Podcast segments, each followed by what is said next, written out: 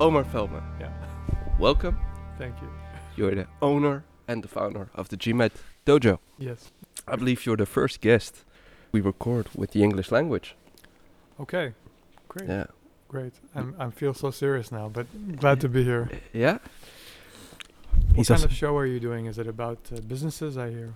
Well, in essence, it's about personal leadership and on the personal side of life, taking care of yourself, developing the route to where you want to go, and a bit on the business side, of course, how to achieve what you'd like or want.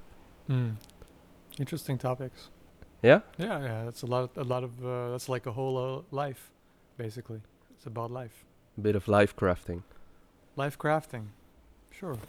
Yeah. How to build life. That sounds nice. How to build the life you want. I think it's a very interesting topic. So the the goal of the show is to kind of uh, develop some kind of And knowledge tips base. or a program or no- a knowledge base. Yeah, Okay. just to interview people and to inspire and to learn and just to get those nuggets out there Cool. Cool. yeah, like that's, that. that's our goal It's for the people. for the people. for the yeah. people. So, about people. Yeah. GMAT. The GMAT. Yeah. It's uh, most people don't want to take this test. I can see why. Most people don't even hear about this test until they're forced to take the test. So Yeah. Just for the people out there who never heard of the GMAT, the GMAT uh, in general is an exam for students who'd like to attend a business school. Is that correct? That's right. That's for students who want to do a master's in business. yeah. And this is like an entrance exam for that. Yeah, and it contains verbal and quantitative questions. Yeah. And in plain English, that means it has questions in math and questions in English. Yeah. In essence for people who are at uh, hogescholen and or university bachelor university students who'd like to go to a university uh, in Holland generally speaking uh, the aim is 550 or 600 is that correct Yeah. Students who want to do a master's in business in the Netherlands uh, have to give a score of 550 or 600, depending on the school they want to go to. yeah So the sexiest school, I think everybody agrees, is Erasmus.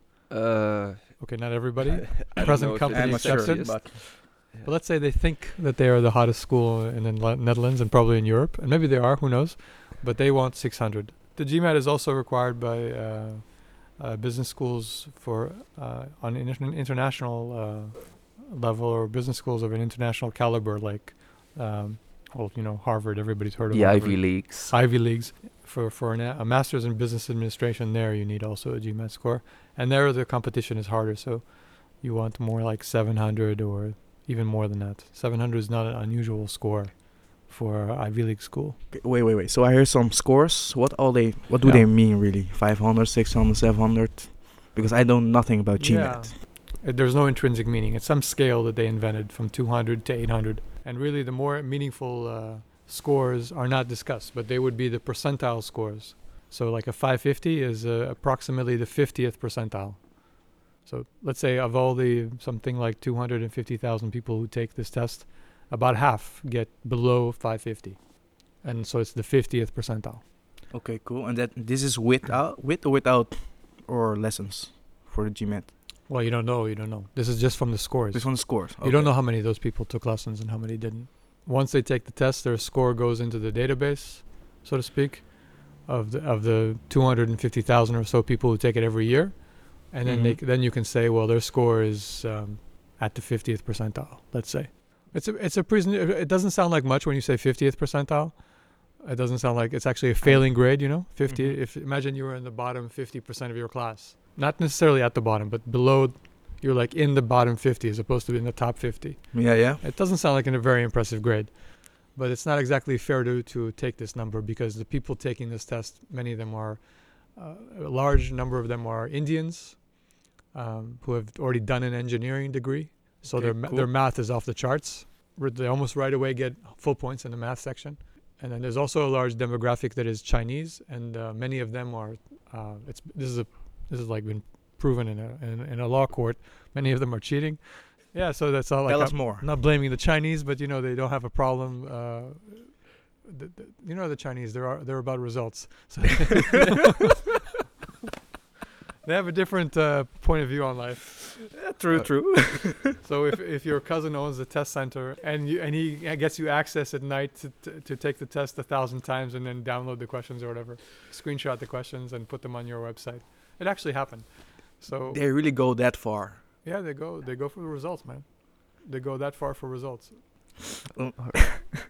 You guys didn't know this about the Chinese and the Koreans. I think also do things like that. But you know, the No, world's a, the world's a tough place. I only, I only hear Asians, man. we, we've got institu- universities where you don't have to where you don't have to get the GMAT score to uh, do a master. yes, yes, I've heard about that. yeah, Yeah. I got stuck at 520, so I'm definitely at the, the below 50th percentile. Uh, is that correct? Just below the 50th percentile, yes. Yeah. Yes. And, And uh, why did you? Uh, Did you wh- took- why do you think you got stuck? uh, Interesting question. uh, several reasons. The basic knowledge of uh, math, mathematics, algebra, calculus. Uh, second of all, these days I can focus more. And I think my mind was more scatterbrained back then. And the GMAT is definitely a test where you have to be at ease. And it wasn't just meant to be. And well, fast forward to now, more happy than ever that I went to this university. I feel blessed. Which uh, it was in uh, in uh, there's a there's a cheese named after this university. A cheese That's e- name? I think that's easy in uh, in uh, Holland to be to have, to come from a town that has a cheese its own cheese like Alkmaar and Gouda. But you went to uh, I don't know Limburg, nee, like- Tilburg. Tilburg. Yeah, that's Tilburg. a cheese too. there is a cheese from Tilburg. Yeah? I Isn't didn't know that. yeah. Yeah, I don't know the Dutch geography that well yet, Yeah. but I knew it was somewhere south of here. Yeah. yeah. that must sound like such an expat. There's like Amsterdam and it's outside of Amsterdam. yeah. hey, at least I knew it was in the south, man. yeah, yeah, yeah. I think your case is is really uh, interesting, and of, of course, it's uh, you have to move on with your life. And the point, the whole point, was to get a master's degree. So Yeah. the reason you got involved with the test to begin with. So I totally think uh, that you uh, made the right decisions to get uh, to go and to a different program, and in fact, you enjoyed that program very much. But I think it's a very interesting exam because it, it really does tell you how you are. It gives you very concrete feedback about how you're thinking, you know, and how you process signals. Sounds like a heavy test uh, Yeah. for me. It's a very heavy exam, and then it became uh, not long ago. I mean, maybe ten years ago, it became an adaptive exam, which is not something you that anyone has experience with at the moment. But you know, like most of us take a test that's that's uh, on paper, yeah. so it's not changing in response to what you do. But the GMAT is, is on a computer, and it's also trying to some in some sense study your responses to to decide what level, what kind of score to give you, basically. So if you do well, it's going to upgrade the questions, make them more difficult. Oh, really? Yeah, That sounds really interesting. it is very interesting. It's like it's like uh, fighting with someone who can, you know, like who's a lot, obviously a lot better because he can go Mhm. all the way to black belt, but he's willing to kind of find help you find your level. So if you're doing well, he's going to try something that uh, he, he thinks might beat you, and see if you can handle it. If you can handle it, he's going to go one level up, and in this way, it kind of decides at the end of the day whether you get a you know a blue belt or a brown belt or whatever. Mm-hmm. So it's it's an adaptive exam, which makes it a much more of like a combat experience, which is not you know not a pleasant feeling on yeah. the whole. So you got like, Betty got like five five twenty, right? What kind of belt you will give that? Color? well, I haven't actually matched it. But it's a great marketing okay. point What's you got your there. What's your score? my score is my last score was 780. Okay, and that means That's uh, in the top one percent. wow. Yeah, So that's a black belt, or I think it's fair to say that it's we'll call it your sensei. Maybe better. It's better. It's like a second, third house bla- uh, black belt. okay, nice. Seven eighty. Yeah, it's it's not a bad score, but you know, yeah, I've been training for quite a few years. You know, I mean, when I first uh, started training, I got um, 710, which is uh, top 10 percent. So th- th- that, that was your first try. Yeah, that was my first try, and I was already pretty good at English and uh, not very good at the math. But uh, then then I became a teacher of this, and of course I started to train much more heavily. I trained the math a lot for about five years, and then I improved that a lot. The after after five years of training, it's not like it takes other people five years of training because I was trying to develop the techniques, right? So Mm-hmm. I I didn't. Um, it's not like I tried to learn what was out there in five years. If you, if you already talk to someone who knows what's out there, probably takes a few months to do to do what I did in a few years. You're a, a graduate of a mathematical program. That's right. Yeah, And you just mentioned that English was the the better part. that's right. That's right. Well, that's a long story, I guess. But my I studied English. Uh, I moved to the states when I was a kid, and I was ten years old, and then I started to read English, obviously because of that. So I've done I've done a lot of reading and uh, in English in different fields as well. So, but and then I went to university where I did. Uh, what did I do in university? A, b- a bunch of different things. A bunch Good of different. It was a long time. It was in California after all. It's hard to recollect exactly what happened. It's kind of like Amsterdam. But no, I I did a lot of things there. I was interested in different different uh, courses, so I read a lot in different areas. By the time I came to the test, I was already a very good reader. And I did do a math degree, but I was not good at math. I I had started in university, so I started not knowing really any math. but you got a, a BA in math. Yeah, I did, but that but uh, well, I studied. yeah. I, I started. yeah. I started with uh, my first class in in uh, in university was calculus. So, which most people who do a math degree, they do calculus in high school. Ah. So, but I I did a computer, uh, not a computer, a cognitive science degree, which is an interdisciplinary degree, and they teach you a little bit about everything. Right? There's a class in philosophy. There's a class in psychology. There's one in computer science. It's all very all very basic, right? They try to give you a whole broad uh, foundation to to study the the brain, cognitive science. And one of the classes was calculus one. Let's say it was called one A, and I nearly flunked that class. I, I, w- I was flunking that class. I flunked the midterm. I flunked the second midterm. Uh, you know, below fifty percent. Yeah. So yeah. flu- yeah. flunking the class. Yeah. About to f- about to flunk one of the core requirements for my major. But by that time, I had taken a tutor actually. By the second midterm, uh, this this guy was wandering around school, uh, kind of like a hippie type, and uh, he tutored me for just two lessons, I think, maybe three, but not more than that. So just two or three hours, and uh, kind of sorted me out completely for the for the math. And then I got uh, yeah, he was in retrospect, I'd say he was incredible.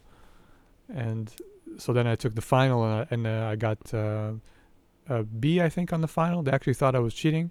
I wasn't cheating, but Yeah. they thought that this guy just fl- flunked the last midterm. What's this? Go- what's going on here?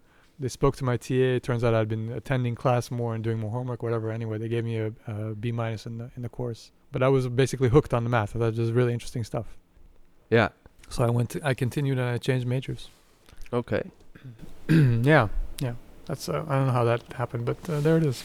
Uh, at some point, I uh, ended up in uh, in uh, Europe five years ago, in Amsterdam, and I started to teach here. And that's this is pretty much when I started my own business. Because before that, I was teaching for other people, like a hired gun type of teacher, you know. What's a hired gun type? Well, here's the thing about businesses that they, businesses do. You know, like you know what businesses do to people, to young people. Lots of little games. You know, you've seen them. But so one the game in my industry is to is to hire uh, someone who has a good score, maybe some experience, and pay them uh, nearly nothing, and then uh, charge you about seven or eight times as much. And that's the business. That's how they make a business out of it. Uh, I did that. I was uh, that guy that they hired for Okay. several years. There's a few schools that do really good work. Um, there's lots. There are probably lots of people who do really good work, but usually the there's the difficulty is when you do really good work, you're probably not a really good business person. You know, the people who do really good work, they uh, they don't specialize in in marketing uh, or or advertising uh, or sales. And but the mat, but you're not going to buy the GMAT uh, a GMAT course every year for the rest of your life, right? You're not going to buy a GMAT course every four years, like you buy a Oh, car it's a or means something to end. you do it once, twice, three times, but that's it. You're you're over it. So you you don't have a chance to really study this industry and and decide what is a good product, right? You don't. And Yeah. everybody you talk to, how many people do you know, do you know who are taking the GMAT? Maybe you know some, but it's not like a it's not like a Toyota, you know, where you everybody has an established opinion. A lot of people you can talk to. You know, there's a lot of feedback about Toyota, so you can tell if it's uh something you want or not, and if it's good or not. How do you do with your own company, your own GMAT dojo? How do you manage? Well, I I try to um, pitch what I am actually doing. So uh, I I offer, offer an online course, and uh, I mean not an online, an in-person course, and it actually is an in-person course. And I do I say I'm tutoring.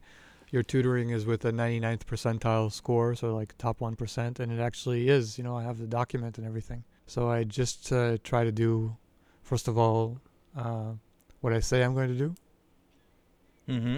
Um, of course, it's training, so you can't guarantee results. You know, it depends on how dedicated the person is as well. So, I don't promise that you can get results, but usually I I usually do get results. And in fact, I work with Patty, and it's uh, So that's know, how you know each other, right? yeah. Yep. And and I have Okay. to say that you know it's a kind of an unfinished business for me. No offense, I know you moved on, but I would like you to break through your to to get the the six Sometimes You know when to quit.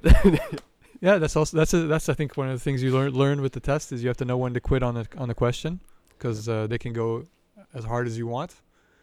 Um, but I think it's uh, yeah. Ge- so you can't guarantee uh, a, s- a certain score or a certain result, but I think usually I get pretty damn good uh, results with people. So I'm happy to keep uh, you know charging for it. I'm not uh, trying to scam. You know. I'm not uh, saying that I have, uh, I don't know, there's all kinds of uh, things that you can say to draw people in. So you go click on the first thing you see in Google, the first ad you see in Google, and that's uh, that means you've gone for the person paying the most money. Right? There's not an indicator of quality necessarily. Uh, did you did you click? Did you talk to this person? Did you talk to the next person? Did you go down past the first two three pages, which are basically spammed by the ones who do great SEO? just like in politics, you know, they can scam you because you're scammable. You know, stop being so scammable, and then the world will get better. Let's hope, man. Let's hope. I think it's that's a. Don't you think that's a fair statement? That it's kind of on us to do more research. Yeah, but it's also in in every field, so it's not just what you mentioned in your field. We still go to uh, certain fast food outlets. Certain fast food. wh- whose na- Sometimes. who, we won't name them so that your show doesn't get bricked. but we still we still go to fast food outlets, even though we all we know that that's not real food. And we, I mean, don't we know that? We should or we should we, be sh- able we should know it. We should should know know that. yeah. We should know that there's no way you're making this thing for three euros. I mean, not really. yeah. so, so, uh, but we, uh, I like the comparison, man, with junk food. This, yeah. it's like yeah, this, and that's that's our. I would say that's our fault. You know, like as a consumer, you can't blame the producer of the junk food at this point yeah. for for thinking for making us pr- feel like this is really lettuce. Yeah. All right, let's take a break. All right, okay. good to be back. We brought up the subject of the of the uh, under 16, the bottom 16 percent of IQ. Yes, yes. and I really yes, was yes. wondering how they how do they measure IQ in this country, and do they measure IQ in this country, and how do they know these people are in the bottom sixteen percent? It's a pretty good question. I really don't know if I. I think they just do like a test, but done, but then in Dutch, not in English. Uh, for those people, I think the same way with vocabulary and how to arrange orders of pictures, and a little bit of math, and how do you say it in English? Begrijpend lezend. Comprehend, uh, comprehensively. Uh, Or read- reading reading comprehension, Yes, reading and comprehension. that also. but Yeah. in Dutch. then in Dutch. Yeah. I don't know. I never took an IQ test, so I never also. yeah. All right, let's uh, switch to the questions on the list. Oh, you have a list. Yeah. So, how does your work-life balance look like right now with your own company? I'd say it looks uh, reasonable. I like my li- my work life balance. I could work more, but I have uh, I have time to do other things as well. So it's not. Um, well, I guess I'm in a somewhat advantaged position. I'm married, so I, I don't have. I'm not, and I'm also not trying to become a millionaire. So I am not. I'm not going to be telling you that. Oh, I do 70 hours a week for no money, and not like that. No. You're not gonna give those speeches like when I was No. your age. I worked. I walked in the snow on a bicycle by myself. No. I think I I uh, I don't follow that model, but that's probably the re- one of the reasons I'm not a millionaire. it's because I don't follow the model that you have to b- throw yourself into the ocean and make it work, and I don't know what even. It's just not the model I was following. you live in Amsterdam, so y- you should be doing something good. I think I'm doing all right. One of the things I'm doing right is I'm married, so it helps to have backup. I think in this world. You know, I think that to to be a successful business person, not that I'm saying that I'm t- all that successful. I'm reasonably successful. I'm succeeding to continue. Um, but I, again, I think uh, you know, so it's it's easier to measure success by saying, well, did you ha- do you have an app, and are you a millionaire? And uh, of course, that is a kind of success, and maybe it's the only kind. I don't know, but I think it's also very satisfying just to be um, doing a good, uh, doing something that you that you enjoy, and having other people benefit somehow from it as well. And if you can pay the rent, uh, then maybe you should stop thinking about the money aspect. You know, if you can pay the rent and take a trip from time to time, buy clothes, do all these little basic things. I'm not talking about a yacht. If you can basically cover your overhead, some reasonable overhead, and then you're enjoying what you're doing to do that, then aren't you already uh, very successful? I would say you're successful enough that Yeah. point. You know, you're successful enough. Of course, m- you can't afford a couple of girlfriends, or uh, then you didn't. You would need more money if you wanted that. Yeah. But you're successful enough if you enjoy this uh, this thing that you're doing, and you can keep doing it. Did you have a time in your life when you were solely focusing on uh, making more money, already thinking about the next step, and you weren't satisfied with the? Not solely, no. I am thinking about making more money and what is the next step, but I'm not only thinking about that, or at least the next step, not only in my business, but the next step in. Uh, I'm developing a couple of other ideas as well, and I have, I have personal life and everything like that. So I'm th- always thinking about the next step. And I think about the next step all the time, but it's not necessarily uh, the next step in in the GMAT. okay. Yeah. I enjoy thinking about the next step. I think that is uh, one of the the funnest things about being an entrepreneur. Uh, but actually, it's not even. Uh, it's not like you have to be an entrepreneur to do that. I think even if you have a, a quote unquote day job or you're working for somebody, uh, it's still much more interesting if you're thinking about the next step in the context of being paid by someone else to do what they want. You can still think about how you do it Yeah. and uh, and how you do how you optimize from from there you know from wherever it is you happen to be it's obviously can be it's obviously more difficult if you if you have to work well i'm not going to get political political again but in america it's, and in england they really trap you so that you don't have time to breathe you know? And it's like a sweatshop a modern day sweatshop. So it's very hard to get out of that trap. But i don't think you face that here in holland. I think here you have a chance to think about what you want to do. Can you explain a little bit more about America and England about the trap? Well, you know, like a sweatshop, you know, this model where you have you have to work uh, 50, 60 hours, uh, Yeah, or maybe yeah. more. I've never been in a sweatshop, Mm-hmm. so you cannot get out really. They might even uh, not even let you get out. But let's say, what are you gonna do if you get out? How you ha- you have to go work the whole week just to eat, you know? Like you don't have the you don't have the ability to sit at home and not work because you're not gonna be able to eat. It's the survi- surviving mindset. Yeah, Yeah. So in the states, it's not like that bad, but uh, if you can't uh, quit your job, it's it's a, it's a version of that. You're not going to starve. You could potentially. Uh, most people, I, I don't think most people, probably a lot of people could put together three or four months of not working, but that would be the end of it. You know, they'd exhaust their whole savings, and then they wouldn't be able to pay the rent. And in the, in the states, you don't get a right to uh, low income housing. There's no you know, you don't get to keep your apartment unless you pay the rent. All these protections that, that you have here, they don't exist in the states. You're kicked out in 30 days. In 30 days by the by the police. There's no debate about it. Mm-hmm. couple of cities where there's that there was there used to be some exceptions and maybe still are, but on the whole, I believe people from America would corroborate that uh, they have you, you know, like this by the neck. You have to work every month, and a lot, in order to pay the rent and keep your car, and keep your food, and keep your kids in school. So there's no time for you to sit there and think about really, uh, what do I really want to do with my life, and uh, may, let me start my own business. You know, you take a huge risk in America if you think like that, if you want to have those thoughts. So basically, you work a 60-hour work week to become the guy who who has an 80-hour work week. If you want to step up. I think the the only way you can step up is by working an 80 hour work week. Yeah.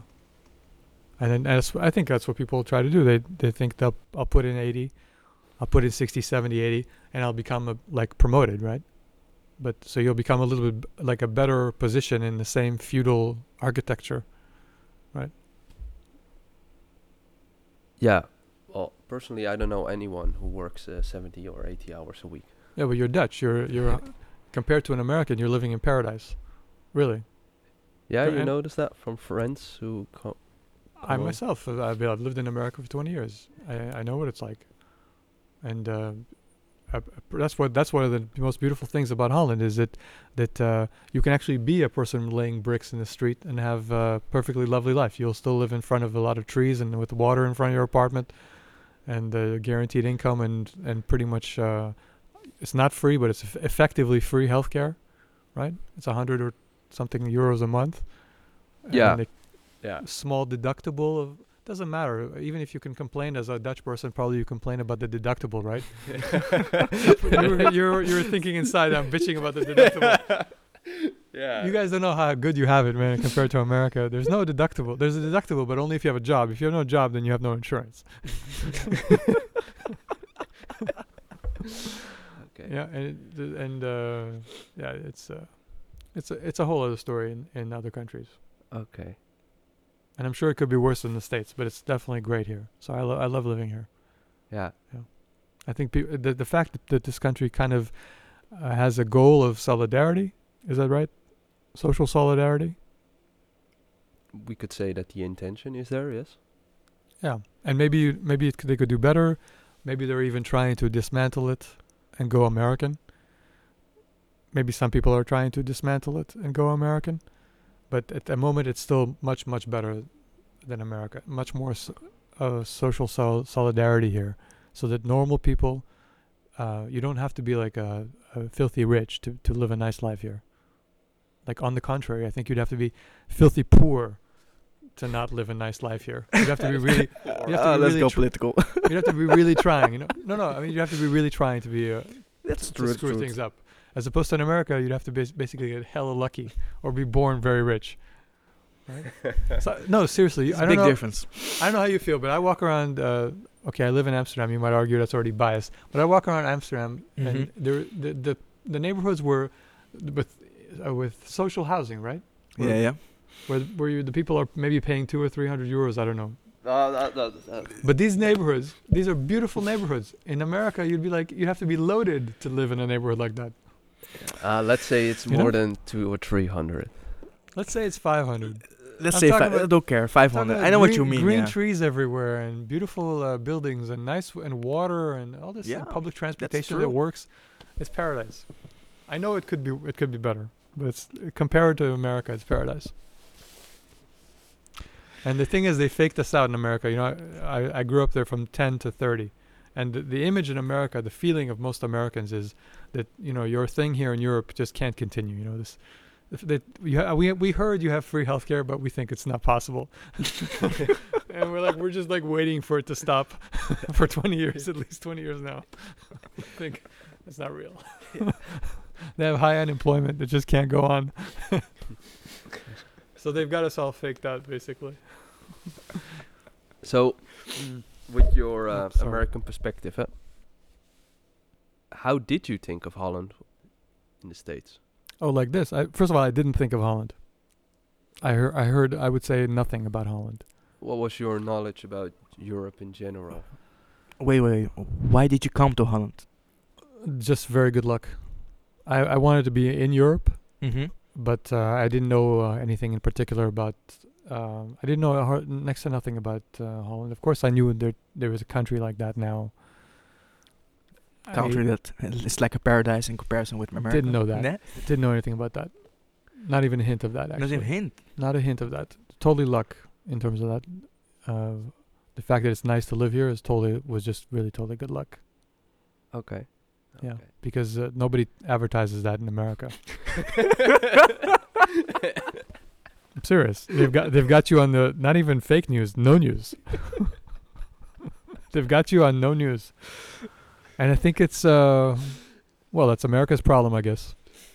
I think it's that's uh, I don't know what's.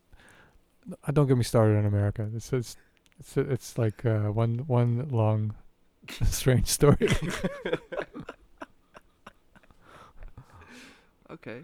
yeah. Yeah. You th- you guys must think differently about America. What what do you what do you what's your impression of the s- of the states? I can't judge. I've been there for like a week, so who am I to judge another country? well, but do you hear about it? Of course, you hear about America. It's all over the news, right? That's the thing. America's in your news. Yeah, but Holland is not in our news. But like, if you ask someone like, who's in the parliament? Uh, how do you call it? They don't have a parliament, but okay. Yeah, let's of- just say of like- did. Belgium or Germany, and people say I don't know, or at least in general, uh, Yeah. I don't think many people would know that. No. And you can't just open the news and it's already about the United States of, uh, yeah. Yeah. I also can't judge about America really. But I got some friends. They are actors. They really want to go to America. I So- think if if you uh, have a you have a reason to go to America, then it's a good idea. But uh, I mean, that's like the capital of acting over there in Hollywood. Yeah. And of, and of course you think you're going to make a lot of money.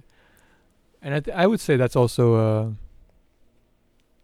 well they sh- i don't want to discourage them. Maybe they're great actors or maybe they're just going to really good looking or maybe they'll just get lucky. Who knows? But so it's not like you can't succeed big. Of course you can succeed big. But that's the that's a market where everybody's trying to get into it. So right? So your chances is like a lottery right? It's kind of like a lottery. So your chances, your any particular person's chances of winning the lottery are basically zero. So you would not want to go into the business of buying lottery tickets because there's no chance you're going to win. And yet a lot of people buy lottery tickets. yeah, that's true, a mathematically uh, known phrase, if I'm correct, right? Yeah, there's a famous story. I Yeah. just I wonder what those people are thinking. Like the ones who hear that this is a famous story, like do they not hear the news that the, it doesn't work to buy lottery tickets? do they not get the memo? Because like everybody knows it doesn't work, and yet some people still do it every time, uh, which is really funny, no? Yeah. I'm still guilty of buying lottery tickets. Why are you buying lottery tickets? it Because doesn't work. I like the idea.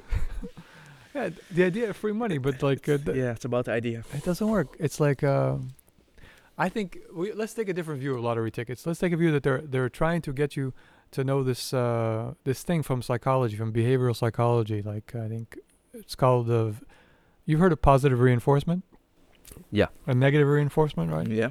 So it's a learning technique. But there's even like a like the upgraded version of of that is variable positive reinforcement. That apparently it hooks people uh, much much more strongly. So like if you if you play the lottery ticket and we give you a dollar every time you play, that's positive reinforcement. You'd Yeah. think that that would encourage you to buy more lottery tickets, but it doesn't work nearly as well as sometimes giving you a dollar, or sometimes giving you ten dollars, and most of the time giving you nothing, because that really excites people. so then they come back and they cannot let go of the goddamn lottery ticket. They're just waiting for that next time that they get ten bucks or hundred bucks, and they'll play their whole life trying to get that experience again. Oh wow. And, that's, and they know that. They know that in advance. Not the people, but the people designing the game know that in advance. It's a well-known f- phenomenon. And, and not like you're you're not like immune because uh, your girlfriend can do that to you as well. Uh, uh, just it's it's very hard to resist this uh, phenomena. Yeah. You can do this to other people, and uh, it's hard to stop. But uh, since you know that they're doing this in this game, since you know that's the whole point of the game, is maybe you should not play this game because you cannot talk the game out of this game. you can maybe explain things to your girlfriend. You know, say. "Hey, quit with the positive variable reinforcement, all right?" But But it's not my girlfriend, it's me. I'm the guy who buys from the Staatsloterij. Yeah, yeah, yeah. I know, I know, I know. But you should find a different game. you should find a different. Uh, maybe you want to study this game. You know, maybe you want to study this game, and that's why you're doing it. You like you want to understand what is actually happening there to to me personally. I'm go- I'm is gonna that look is that your motivation, Petty? No, I really just want to get the Your excitement. euros. It's not, I'll it's be not going to happen. excitement. That is not going to happen. You know it's not going to happen. I know, I know. It's But like if you, f- worst investment. I wouldn't call it an investment because you. I wouldn't call it an investment because it don't. It does. Don't you have to have some expectation of re- of a return, and a positive return? I know. This is more like a like a like a what is it called? The money pit. Ah, all right. I think we should head to the end. Uh, Already. Oh, how do we even get through the? What question are we on? We didn't even got all the questions, man. A lot of other topics we talked about. yeah. All right. So what's the next question? Who are your examples? My examples. Uh, Thich Nhat Hanh is an example, for sure. Thich Nhat Hanh is a he's a Vietnamese uh, Buddhist monk. You've never heard of him? No, tell more.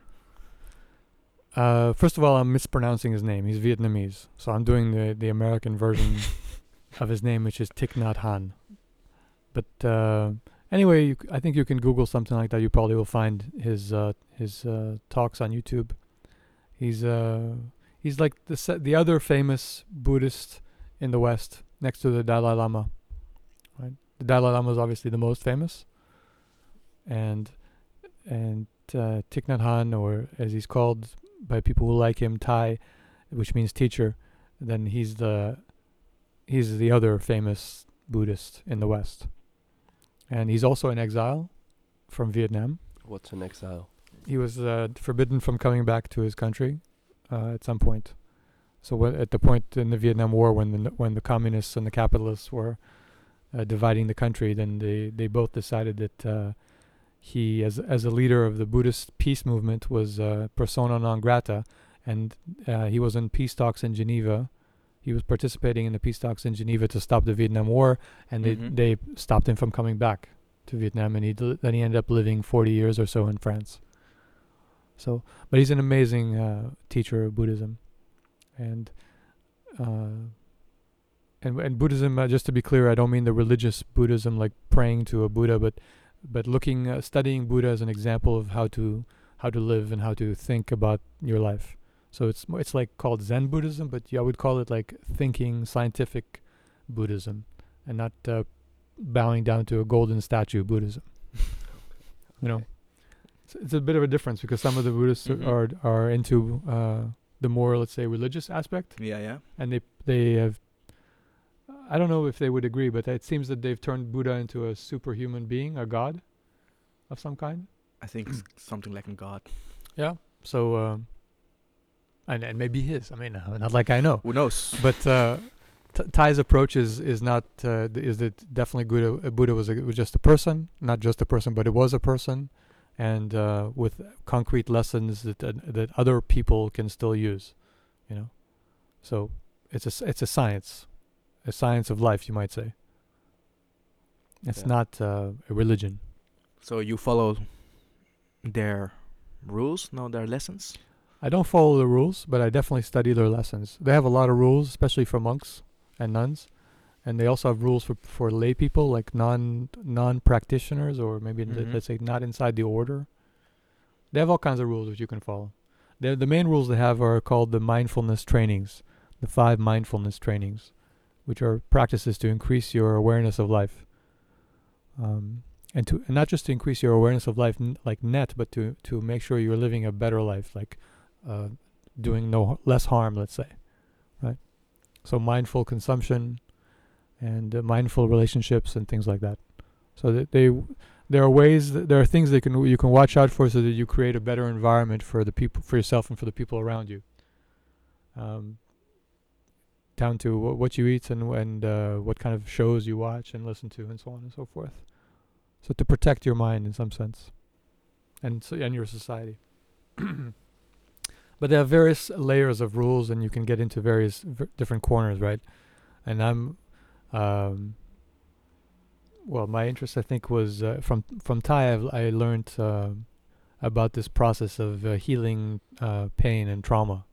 So uh, that would be the mindfulness. He talks a lot about this mindfulness of uh, your own feelings as a kind of energy that you can apply to your own feelings until you understand the better and and and discharge, let's say, some of the things that that are affecting your life or afflicting your life, you might say. And I think Thay is really great because he believes in. Uh, um, well, I don't I don't know what he believes in, but he, his idea that he one idea that he put put out was that uh, the next Buddha is not a person, but you know, not an individual salvation of the world, but the next Buddha is a, is a, a community. So it's it's actually an organization, or it's a lot of people that are uh, together in charge of creating uh, the, like the next salvation for the world. And I think that's really uh, like like that's a concept I think would is a very strong concept influence for my thinking because I'm I am thinking exactly like about that now. But uh, the fact that you know you obviously you want to be good. Everybody wants to be good and successful. I mean, not just not good but successful, or to make an impact. I think everybody wants some kind of recognition, and it's every everyone's developing their game in some way. Meaningful. Meaning, some meaning for yourself. It can be anything. I'm not even judging. It can be you know whatever kind of meaning of success that you want to define. but I would I'm thinking a lot today about this idea of cooperation, and, and I think I have to credit uh, Thay with that idea because of, of planting the seed for that idea. That actually what we need is you can of course become good. It's good that you become better. It's it's it's a you should become better at whatever you're doing and think about how to improve it. But we are not thinking enough about how to coordinate with other people, and that is a huge uh, a huge flaw. Like you can be, it's going to take you. Let's say you, let's say you can put your whole life into into doubling your performance in whatever field you're in, right? Let's say you just do that. Well, you're already pretty good, and it's going to be harder and harder to get better and better, right? Because you already uh, at some point you become the best in the world. What are you going to do then? It's not going to be like the next day you're going to become twice as good. It's going to be it gets harder and harder to get better. The more the the better you are, the harder it is to get better. But nobody's thinking about cooperation. It's like Michael Jordan, you know. He, do you know the story of Michael Jordan when he was in his early career? Um, let me get it straight. Is he the one who failed uh, a lot of shots? Uh, still no, managed to succeed and wasn't no. uh, he got he did get kicked out of off the team in high school. This is this is a famous story also. He got for not being good enough. So that's that's it is uh, maybe the story you're thinking of, and that's a famous story as well. That he got kicked off the high school team and he came back the year later and, uh, you know, did very well obviously. So he did come back from failure already as a teenager. But uh, and that's a good story, which I don't really know uh, enough about what happened there. But the story I'm thinking was it happened later. He was already a famous player in the NBA in his first few years. Uh, he was already like the best one in the NBA, right? The- Mhm. At the time when Larry Bird and Magic Johnson were there. I, I don't know if you guys know those people. And uh, I've played basketball in the past, so so you do know I, this. I know them. Amazing because they're like they're like old. They're like a generation before me, I and know, they're in I. America. so these are really old guys, right? Larry Bird and Magic Johnson. And Jordan came at the end of their career, and he was. Uh, it was pretty clear, I think, that he was uh, phenomena, right? Yeah. There was nothing, no, nobody like him in the NBA, and nobody ever had been like him. He was amazing, athletically, and he was playing for the Bulls, and he was always the MVP of the. For several years, he was the most valuable player, and everybody knew he was amazing. But they did not make the playoffs, or they lost in the first round of the playoffs. They just were beaten by everybody, by teams that had nobody like him. And I don't know the what happened here, but but what I've heard is that his coach uh, somehow uh, worked it out with him, and uh, well, this is gonna sound stupid, but he taught him how to pass. you know, like he explained the value of teamwork and at a very basic level, perhaps, but he did somehow get the message across that he needs to become a teamwork, a team player, and and at, at minimum, it means passing the ball when three people are on you, so that the the other guy can make an easy shot. But it, it- he took it. Jordan took it much further than that. He became an amazing uh, team captain and coordinator of a defense and an offense. So he, he once he got the the memo on that, he really uh, took it to a whole other level. You know. But the point is that you can be uh, the best in the NBA by a lot and still suck because you don't work together with other people. You just don't think about it. yeah. And I think that's the how t- how to get people to work together is a very interesting subject. That's food for thought uh, for me then.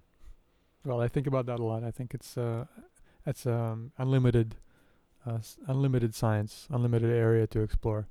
You know, you could probably always get better at that, Yeah. and uh, make sure you're working towards better goals. Also, there's there's it's a lot of stuff. Well said. Thank you. Is that we wrapping it up? That was the last question. I think let's wrap it up, man. Yeah. Yeah. It's a nice end. Omer, thank you. Yes, thank you.